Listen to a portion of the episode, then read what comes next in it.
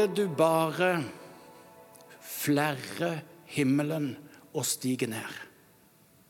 Så fjellene dirrer for deg. Som når ilden setter fyr på kvistene, som når ilden får vannet til å koke. For å lære dine motstandere å kjenne ditt navn. Folkeslag skulle skjelve for ditt ansikt når du gjorde skremmende gjerninger vi ikke venta og steg ned så fjellene dirra for deg. Jesaja 64, vers 1-2. Da kan du ta slide nummer to, Hanne. Der har du det, så kan det bare stå en stund. Ville du bare flerre himmelen og stige ned, så, så fjellet dirrer for deg. Som når ilden setter fyr på kvistene, som når ilden får vannet til å koke. For å lære dine motstandere å kjenne ditt navn. Folkeslag skulle skjelve for ditt ansikt når du gjorde skremmende gjerninger vi ikke venta. Og steg ned, så fjellene dirra for deg. Jesaja 64, 1-2. Sånn ba en gjeng kristne i Wales i omtrent ett år før en av Europas største vekkelse brøt ut i 1904 og 1905. Dette var det verset som de bare løfta opp igjen og igjen og igjen og igjen.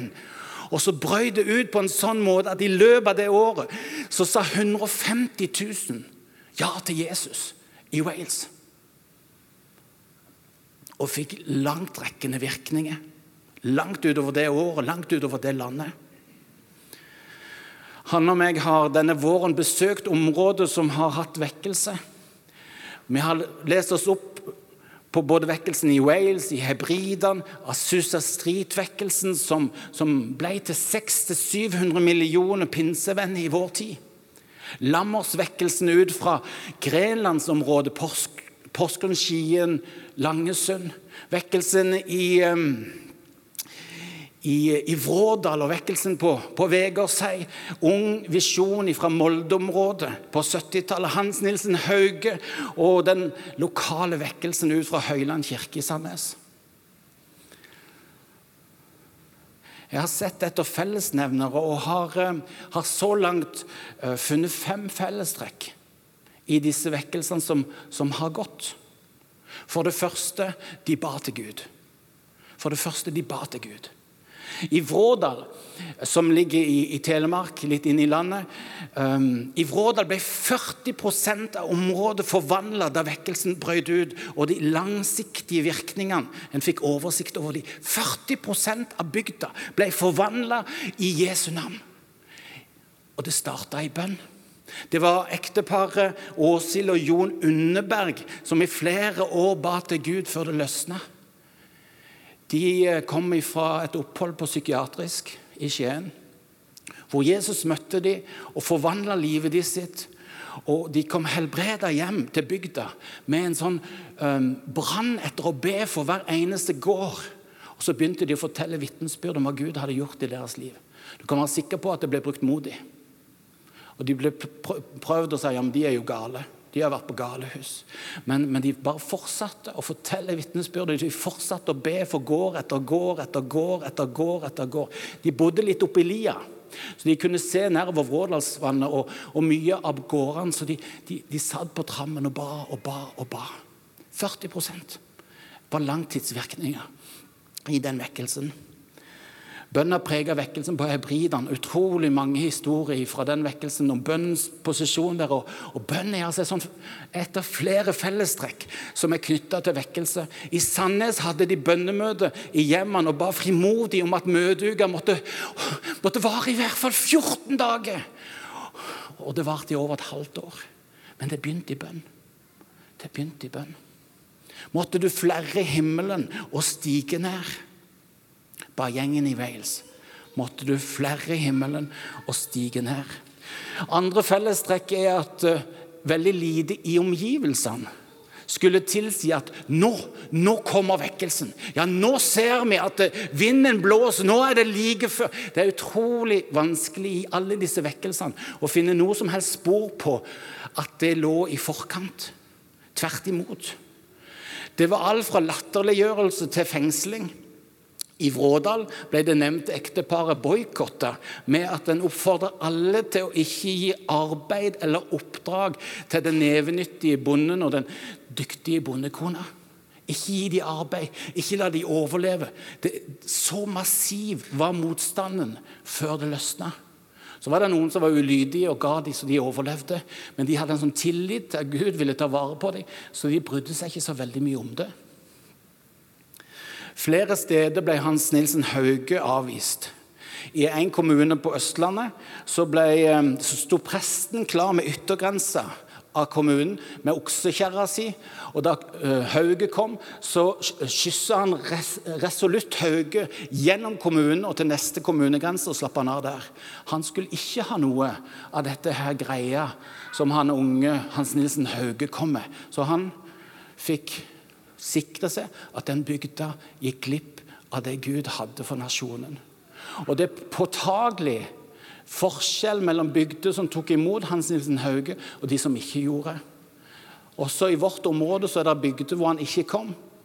Det er helt påtagelig også i vår tid forskjellen mellom den ene og den andre bygda, som, som faktisk er nabobygder. I, eh, I, Mandal sto byens folk og spytta på haugianerne på veien til møtet. Det er en god start på tilbedelsen. Alf Magnus eh, i sin bok om Hans Nilsen Hauge eh, det, er en spennende lesning og gir et godt bilde av samfunnsforhold og den etablerte kirkes korrupte relasjon til politisk makt og opplysningstidas avvisning av en mektig og nærværende Gud. Fantastisk bok som er verdt å lese. Det er altså ikke i analysen av samfunnet rundt oss og omgivelsene som kan fortelle oss om vekkelsen er på vei. Det er ingenting som skulle tilsi i noen av de vekkelsene jeg har nevnt, at nå kommer det. Det virker mye mer til å være et utslag av at Gud setter et område i bevegelse. Man snakker om besøkelsestid og nådetid. Og ofte forandrer Guds merkbare nærvær og mirakler spillereglene. Bønnefokuset ser ut til å føre folk tettere på Guds hjerte, for by og bygd, for nasjon og nasjoner. Og det med å se på Gud, at folket fikk innsikt i om vekkelsen var på vei. For det tredje Ofte så er det lavprofilerte ledere som er involvert i vekkelsene. Det er nesten oppbyggelig å se hva slags folk som ble brukt av Gud i vekkelsen. Dette ekteparet i Vrådal blir altså henta ut av psykiatrisk avdeling på sykehuset i Skien og gjort til de viktigste redskapene i vekkelsen. Og I de aller fleste som har susa strid, så var det en fyr som ikke fikk lov til å gå på bibelskole engang. Fordi han var farga afroamerikaner men ble det redskapet som gjorde at vekkelsen ut fra denne, dette lokalet i Los Angeles ble en faktor som forvandla hele verden. Menneskelig talt var det lite som skulle tilsi at de fleste av de skulle bli et viktig redskap for dyptgående vekkelse. I Høylandvekkelsen i Sandnes begynte det med den årlige NMS-utsendelsen av predikanter på nyåret. Det hadde skjedd hvert år tidligere. Jeg vet ikke om det var helt tilbake til 1842 da NMS starta, men ganske mange år tilbake, og det har fortsatt helt fram til vår tid.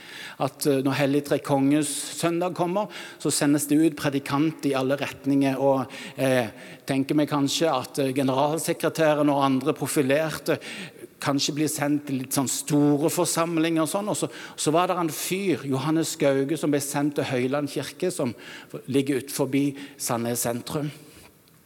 Eh, jeg tror ikke så mange hadde hørt om han. Men han ble altså tildelt Høyland kirke. Og Tracy Richten, som talte her forrige søndag, fantastisk tale, hør han gjerne hvis ikke du har hørt på podkast. Uh, hun leder Agenda 1 i Bangladesh og Kambodsja og i Norge, og er sokneprest i Tananger. Hun har skrevet en masteroppgave om vekkelsen i Sandnes. Og Hun skriver i forordet mot alle forventninger ble en kort serie med evangeliseringsmøte som skulle holdes i 1956, i en stor og lite besøkt Høyland kirke i dagens Sandnes, til en stor vekkelse.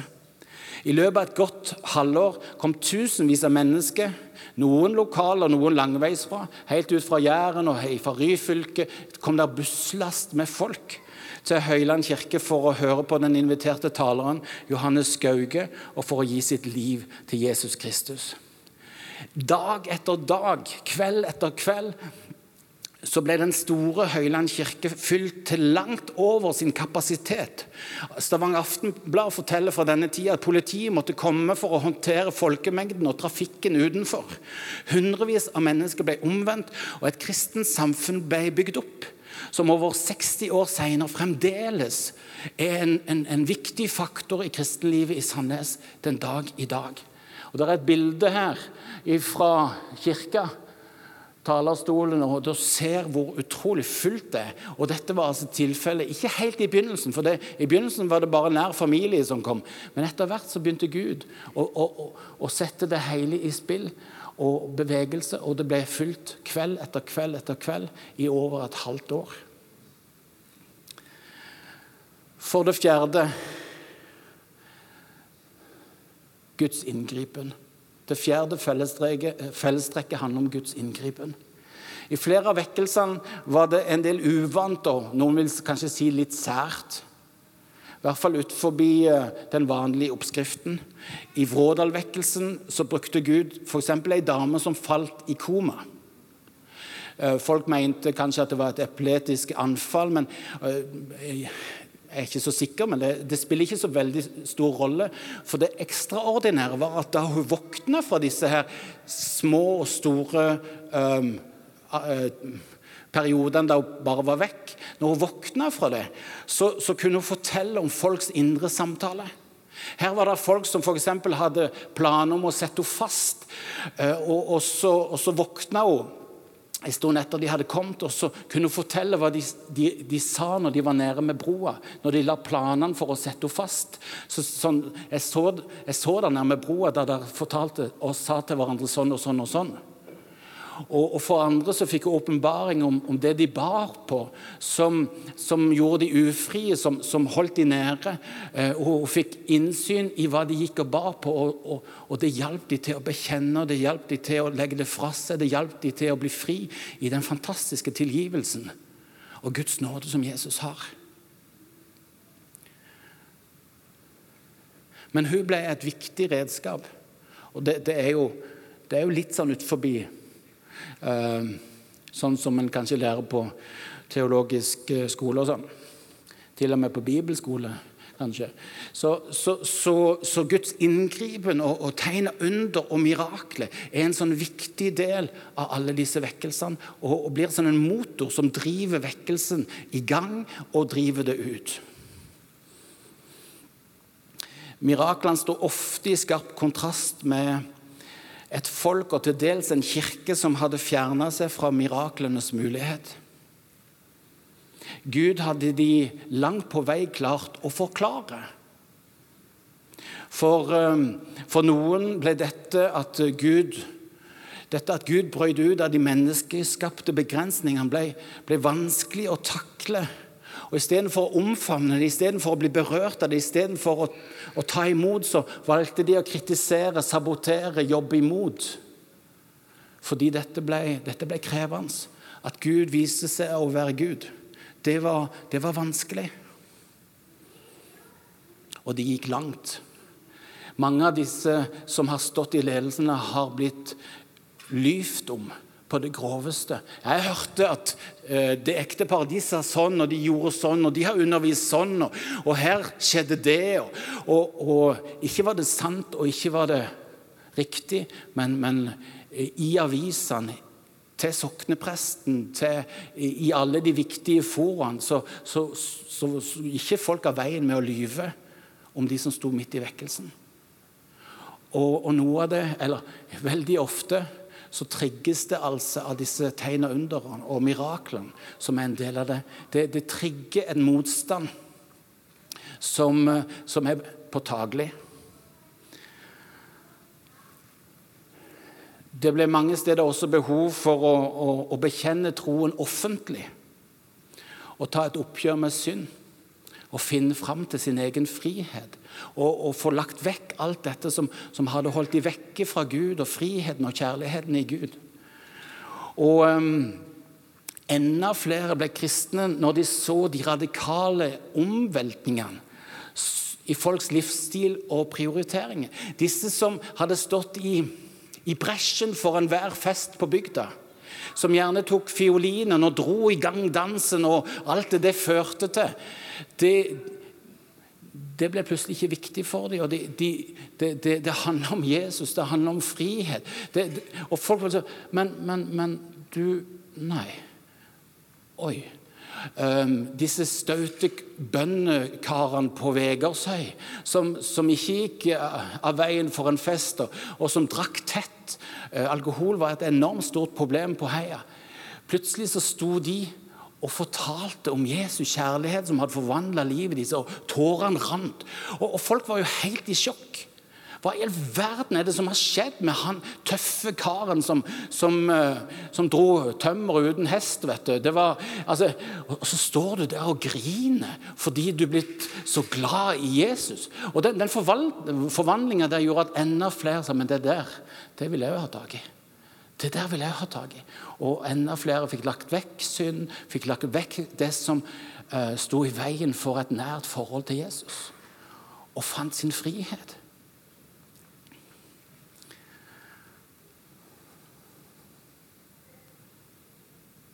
Det medførte altså mye frihet for mange å bryte, bryte fri fra mønster de hadde rota seg borti. Men, men etter hvert fikk deler av vekkelsen også et preg av loviskhet, som senere brakte en ny form for ufrihet.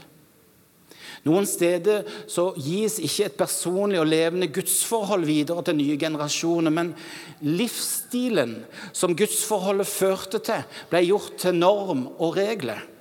Og så ble det gitt videre. Og Det ser ut til å begrense omfanget av en vekkelse. Det ser ut til å være en veldig lite lur vei å gå um, i de neste vekkelsene, for å si det sånn. Tegna under ser altså ut til å være det som fikk de fleste kritiske kristne til å ta av gårde med, med tøff handlinger, løgn, mot vekkelsesgjengen. Tegna under ser ut til å være det som de kikker aller mest på. Og alvoret i det er jo at det er de samme tegna under som er en hovedmotor fra Guds side til å drive vekkelsen ut til folket. Og Det er all grunn til å legge merke til dette, for jeg tror det er, ligger latent i det norske folket, og at med neste vekkelse så kommer det samme til å skje. Og den religiøse ånd og, og, og Guds motstandere kommer igjen til å drive velmenende kristne inn i å nettopp angriper tegn og under. Og Grunnen er såre enkel. At når tegn og under blir allemannseie i Guds folk, så går vekkelsen dypt og bredt. For det er vanskelig å holde Gud på, på, på avstand når han kommer og, bryter inn med tegn og under. Og Det er derfor motstanderen er så livredd for akkurat denne biten. Og Det er derfor igjen og igjen så er det fokuset på det som kritikerne tar. Det er der de Og jeg tror ikke de er bevisst på hva de gjør, men de gjør det. Og det får veldig negative konsekvenser og blir en enormt viktig kamp for vekkelsesbæreren å holde stø kurs i å være med på det Gud gjør, uten å bli redde. Og Det bringer oss inn i punkt fem, som handler om de etablerte kristne som er skeptiske. For kritikken fra de velansette kristne er dessverre også utbredt. Det er nesten sånn at eh, de etablertes kritikk var et sikkert tegn på at vekkelsen var fra Gud. Interessant. På Vegersei førte prestens forsøk på sabotasje til etablering av Guds menighet på Vegersei, som fremdeles i dag er en sånn vekkelsesmenighet som eh, generasjon etter generasjon har fått komme til tro og til et levende gudsforhold i. Men det begynte med prestens sabotasje. På, på, Heia der så ble møtet med Guds kjærlighet en så sterk omveltning for eh, bondebrødrene Knut og Kjøstel Aas Tenk deg at Gud kan bruke noe som heter kjøstel. Det, det skaper tro i oss. Amen. Men, men møtet med Guds kjærlighet uh, forvandla disse to staute brødrene på en sånn måte at de kunne ikke la være å snakke om det de hadde sett og hørt. De klarte ikke å holde igjen, de klarte ikke å holde det inne. Det måtte bare ut. Og Det ble jo en forferdelig trussel mot uh, prestens makt og innflytelse. Og det ble ført en skarp motstand mot vekkelsesfolket gjennom landsdelens aviser og med å stenge tilgangen til, til kirkebyggene og bedehusene. Men vekkelsefolket på Vegårshei lot seg ikke stoppe, og vekkelsen spredte seg både på Agder og Telemark og helt, helt til Jæren, med at mange bar vekkelsen ut. Det er fortellinger om at de gikk et helt døgn til fots for å holde ett møte, og så gikk de et døgn tilbake for å komme hjem. Dreven av Guds kjærlighet så var det ingenting som fikk stoppe dem i å bringe Jesus ut. I den første tida så gikk vekkelsen så dypt på heia på Vegårshei at de fattige og enkene ble tatt inn på storgårdene, sånn at ingen sulta eller var alene.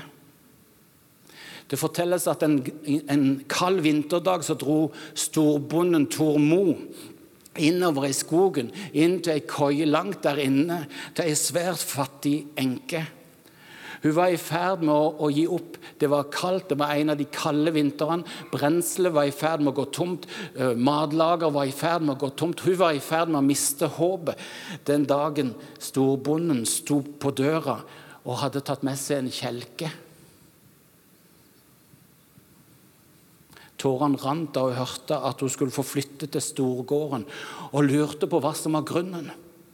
Storbonden svarte, 'Har du ikke fått med deg at Jesus har flytta inn med sin ånd i de fleste heimene på heia?' 'Og han sier til oss å ta oss av gamle og syke.' 'For å ta imot disse er det samme som å ta imot Han.' Overalt hvor Jesus fikk innpass, ble hjerterommet stort. Lommelerka, som lenge var fylt med sprit, ble nå brukt til salveolje. Kult. Når jeg leste det, så tenkte jeg det vil jeg òg ha. Så jeg gikk på Finn og kjøpte ei lommelerke og har fylt med salveolje. Det der vil jeg òg være med på. Så jeg går rundt med lommelerker på innerlomma og sånn. Eh, så er, så er jeg klar, i hvert fall. Så har du lommelerka di klar? Ja da, ok. Jeg tror ikke vi går videre på den. Men utrolig interessant hvordan Guds kjærlighet driver de ut i det vi i dag kaller for godhet, for diakoni, for fattigomsorg, for å se de svake som på en, og fattige, de fremmede, som er på en spesiell måte på Jesu hjerte. På en spesiell måte. Vi kan aldri ta oss av fremmede i landet vårt og være i strid med Guds vilje til det er en sånn dyp ting som bare ligger der. Det, er det enkleste du kan gjøre hvis du lurer på hva som er Guds vilje for ditt liv. Ta imot de fremmede i, i nabolaget ditt. Det er så på hjertet til Gud. De fattige, de utstøtte, de ensomme. Guds kjærlighet gikk så dypt på Vegårshei at de brakte de inn på storgårdene. og Der fikk de lov til å bo helt til de døde. I varmen med mat på bordet og med fellesskap.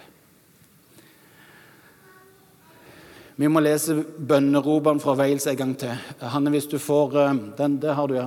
Ta den, eh, du kan ta opp den siste, som er samme teksten, bare med litt mer. La oss lese det en gang til.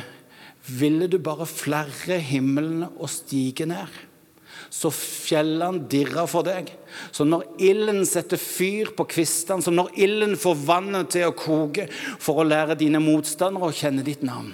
Folkeslag skulle skjelve for ditt ansikt når du gjorde skremmende gjerninger vi ikke venta, og steg ned, så fjellene dirra for deg. Jesaja 64 fremdeles. Flere av de røde trådene, de fellestrekkene som jeg har vist deg, finner du igjen i denne bønnen. Det er veldig interessant. Vekkelsen baserer seg ikke på om samfunnet er positiv eller ikke til Jesus-troa. Den kommer ut fra at Gud setter noe nytt i bevegelse. Flerr himmelen, stig ned, ryst fjellet. Det ser ikke ut til å være viktig å være egnet, såkalt egnet som kristen leder eller en velrenommert predikant eller lignende. Det trenger ikke være diskvalifiserende. Både Lammers og Hauge var dyktige ledere og kommunikatører. Men det er ilden det kommer an på. Sånn som Jesajas-teksten sier her. Eh, som når ilden setter fyr på kvistene. Som når ilden får vannet til å koke. Verken kvistene eller vannet er viktigst for å få fyr i peisen, men, men ilden. Om presten Lammers, som ledet en vekkelse som ble starten på flere kirkesamfunn i landet vårt, så sies det at en åndserfaring under et studieopphold i Tyskland satte fyr på fyren. Og Denne ilden prega budskapet hans, sånn at hjertene som hørte det, ble berørt til en levende Jesus-tro. Men det begynte med en berøring av Den hellige ånd. En, kjærlighetsdåp, en åndsdåp, eller hva det Du kan velge hvilket navn du vil, men, men, men der kom en ild som satte det hele i gang. Hans Nilsen Hauge I år er det 250 år siden Hans Nilsen Hauge ble født. Og kanskje enda viktigere 225 år siden han ble sterkt berørt av Den hellige ånd da han gikk og pløya jorda på hjemgården. Norge blir aldri det samme etter Haugevekkelsen fikk bre seg. Og Det begynte med at Den hellige ånd kom over han og ga han en kjærlighetsdåp. Det tok 14 år før Hans Nilsen Hauge vågte å skrive ned og fortelle til de andre om hva som hadde skjedd. 14 år etterpå så skrev han det ned. Og, og det dirrer når han forteller, fremdeles 14 år etterpå. For det var en sånn impuls som slo ned i han, og som bare dreiv han ut. Som dreiv han inn i fengsel i perioder, som drev han inn i sykdom. Og sykdom og fengsel var jo det som han døde av til slutt. Og, og mange var det biskop og prester som, som sto i bresjen for å få ham i, i, i fengsel. Men brannen etter å gå over hele landet, fra sør til nord, med det han hadde fått, begynte den dagen for 225 år siden. 6. april eller et eller annet sånt. Da Den hellige ånd satte fyr på Hansensen Hauge. Videre så sier bibelbønnen som preger Wales-vekkelsen, noe viktig om fokus. For å lære dine motstandere å kjenne ditt navn. Tenk deg å få lov til å gå fra motstander av Kristus til å kjenne hans navn. Et nydelig bilde av det å bli frelst og bli disippel av Jesus. Vi vil gjøre verdifulle mennesker til bevisst etterfølgere av Jesus, er visjonen for Imi-kirka. Dette er akkurat det samme, bare på, sagt med andre ord. Fra motstander til å kjenne Jesu navn. Til å bli nær venn av Jesus. I Imi-kirka vil vi gjøre Guds godhet tilgjengelig lokalt, nasjonalt og internasjonalt. Og Wales-bønnen har òg det, det, samme verdensvide fokus når det fortsetter med at folkeslag skulle skjelve for ditt ansikt. Folkeslag i byen vår folkeslag i landet vårt. Og Mange av de er unådde i vår tid. Folkeslag ute i verden som du hørte om i Kambodsja, som, hvor flere av de aldri har hørt om Jesus ennå. Og så er noe av den bønnen har det utsikten mot nasjonene, mot landet vårt. Ikke bare vårt egen by og bygd, men, men til nasjonen og nasjonene. Og Mange av vekkelsene spredte seg til andre land i Europa og delvis for Asusa Street til hele verden. Wales ba at folkeslag skulle skjelve for ditt ansikt.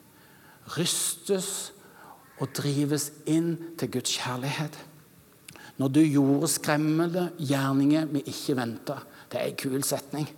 Og steg ned, så fjellene dirra for deg. Og igjen så ser vi betydningen av Guds inngripen og mirakler. I, I, snart to år så har han og meg bedt når vi sitter i rushtrafikken mellom Sandnes og Stavanger. Den velsigna rushtrafikken. Og da får han virkelig tid til å be.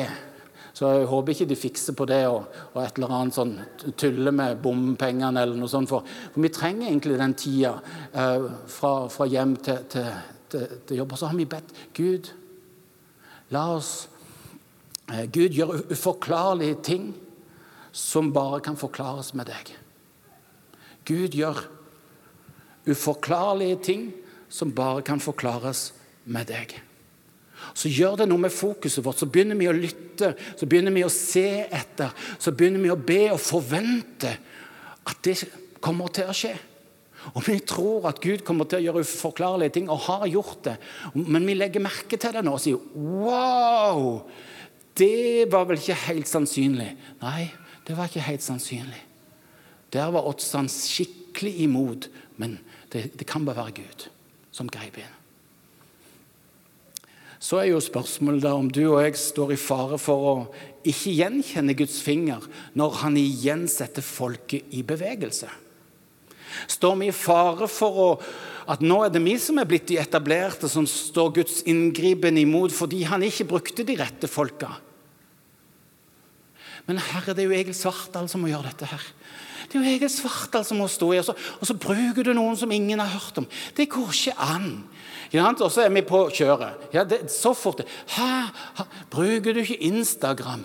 Nei, men kjære vene, det kan ikke bli vekkelse av sånt. Og så, og så, gjør han det på helt andre måter. Og så står du og meg i fare for å både ikke være enig i måten det blir gjort på, og hvem som, som står i ledelsen av det. Og så står vi òg i fare for å stå imot når, når Gud viser seg som Gud og gjøre rare ting som vi ikke syns han burde gjøre. For det blir litt støy av det. Og, og, og, både VG, Dagbladet og Aftenbladet som syns ikke det var så veldig kult, det du gjorde. Og, og, det er litt ubehagelig, Gud. For, for nå, altså, og så er veien er ganske kort, dere.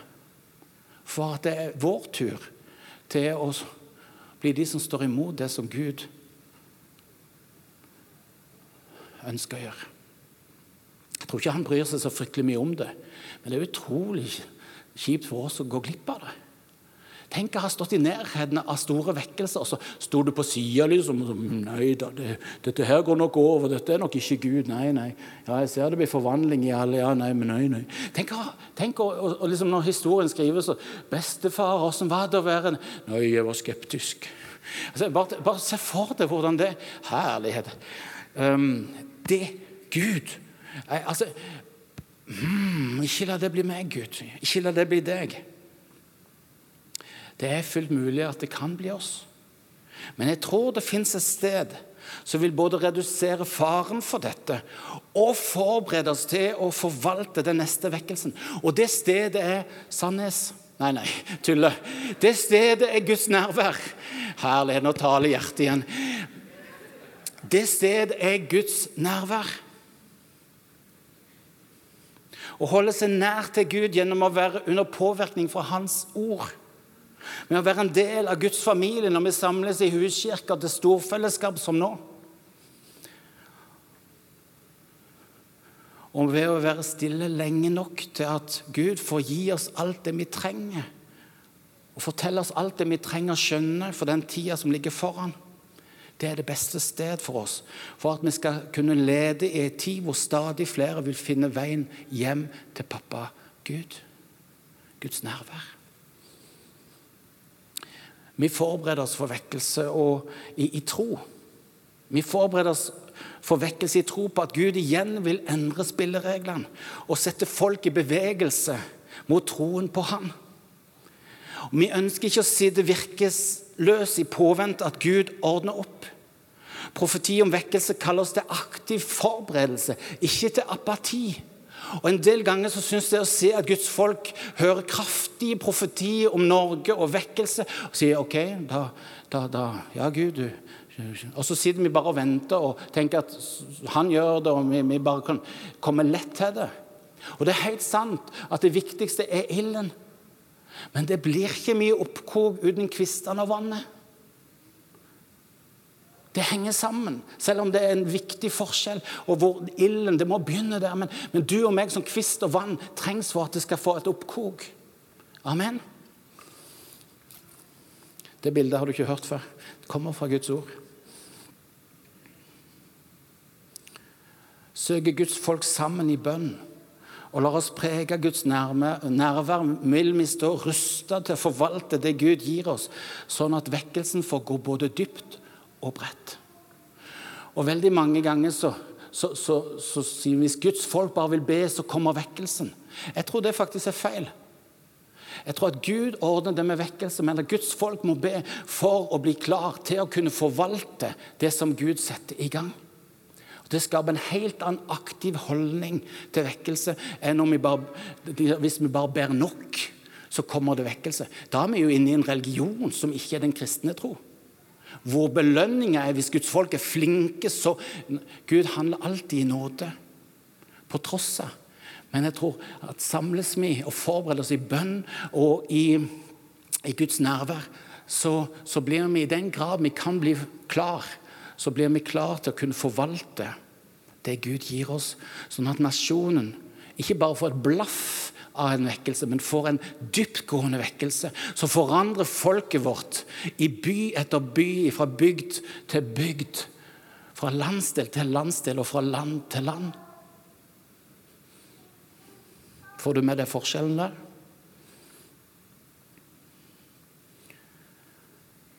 Tenk hvis vi har håpa på vekkelse i årevis, og så kommer den brått på oss. At vi var uforberedt.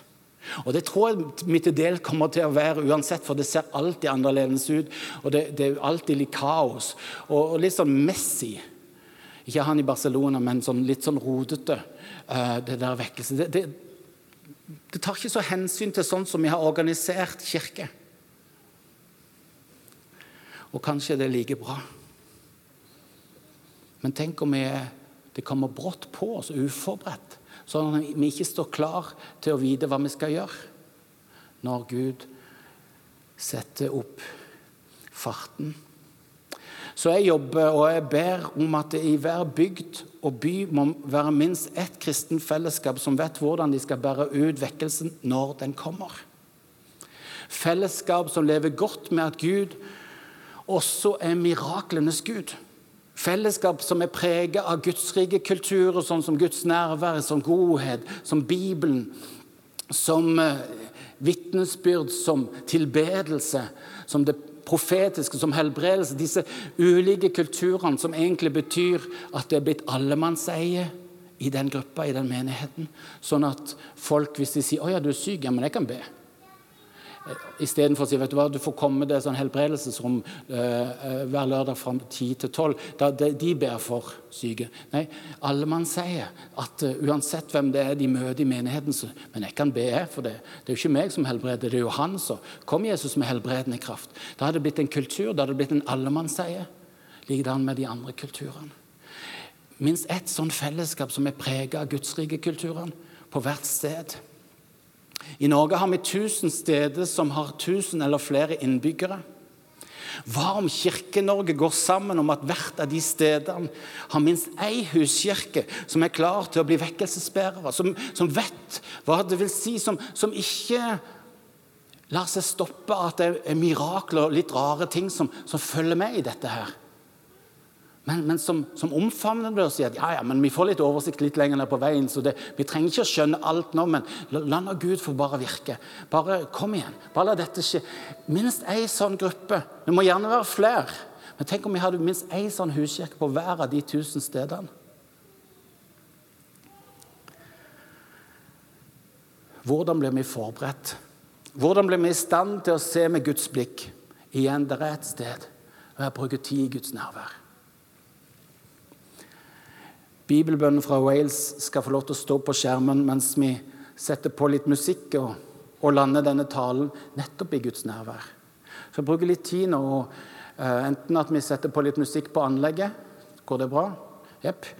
Um, og så skal, skal Gud få lov til å tale, så skal Gud få lov til å handle. Så skal du få lov til å hvile og ta imot. I den grad du har behov for å be noe, så, så, så si takk, Herre, for det du vil gi. Du trenger ikke å anstrenge deg i bønn for at han skal komme ned. Han er allerede nær. Du trenger ikke å anstrenge deg for at han skal gi deg noe, si deg noe, gjøre deg noe. Han elsker å berøre, han elsker å tale. Så det viktigste vi gjør i Guds nærvær, er å hvile og ta imot. Og så får han som er alt og har alt vi trenger, få lov til å gi oss det som han ser i sin visdom at vi trenger akkurat nå. For oss sjøl, men òg for det oppdraget om å bringe Jesus ut til stadig flere. Så han, han har oversikten over hva du trenger. Så, du, du, og, og, så hver gang du kommer inn i Guds nærvær, så bare Å, deilig. Hvis du sovner, så er det det beste stedet å sovne. Så får han bare gjøre ting mens du sover og hviler samtidig. Men, men sørg for å trekke inn i Guds nærvær så ofte som mulig. Sånn at han får lov til å være, så han får lov til å gi alt det du trenger for den tida som er nå, og som ligger foran oss. Og så blir jeg ikke overraska om noen av dere får noen ord fra Gud. Og Du må gjerne sende det til, til, nummeret mitt. Hvis du tar den neste sliden eller to fram, eh, Hanne, så står telefonnummeret mitt nederst eh, på eh, skjermen. Det er rett etter det bildet fra Høyland kirke. Eh, og, og, og, Du kan bare sende til 47 27 91 94 nå, eller når du kommer hjem, det du måtte ha fått, som du tenker det vil han like å høre. Og Likedan for deg som hører dette på podkast, eller lignende, ta gjerne tid nå til å slippe Gud til. Og så sende det du, det du får, kan du sende til meg enten på det nummeret eller terje.imikirka.no. Så får vi tak i hva Gud gir ut, og hva han taler om. Så sett deg godt til rette. Og igjen, du skal ikke gjøre La han gjøre. Du skal ikke tale så mye. La han tale og så hviler du, og så tar du imot. Så om du vil legge det på gulvet, eller om du vil sitte eller stå eller knele det Gud eh, er veldig fleksible på sånne ting.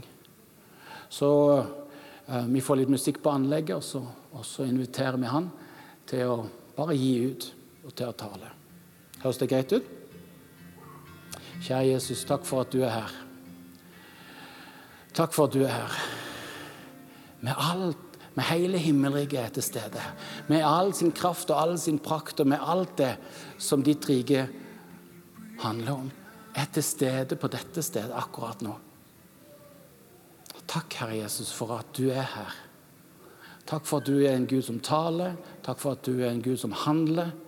Takk for at du vil berøre den enkelte. Og Herre, vi søker ikke følelse og en sånn oh, 'Nå kjente jeg at Nei, Herre, du gjør det på din måte.' Og du kommer ned til den enkelte akkurat sånn som du ser det er viktig akkurat nå. Takk for det du nå gjør. Og så, så hviler vi bare. Takk, Jesus, for det du nå gjør.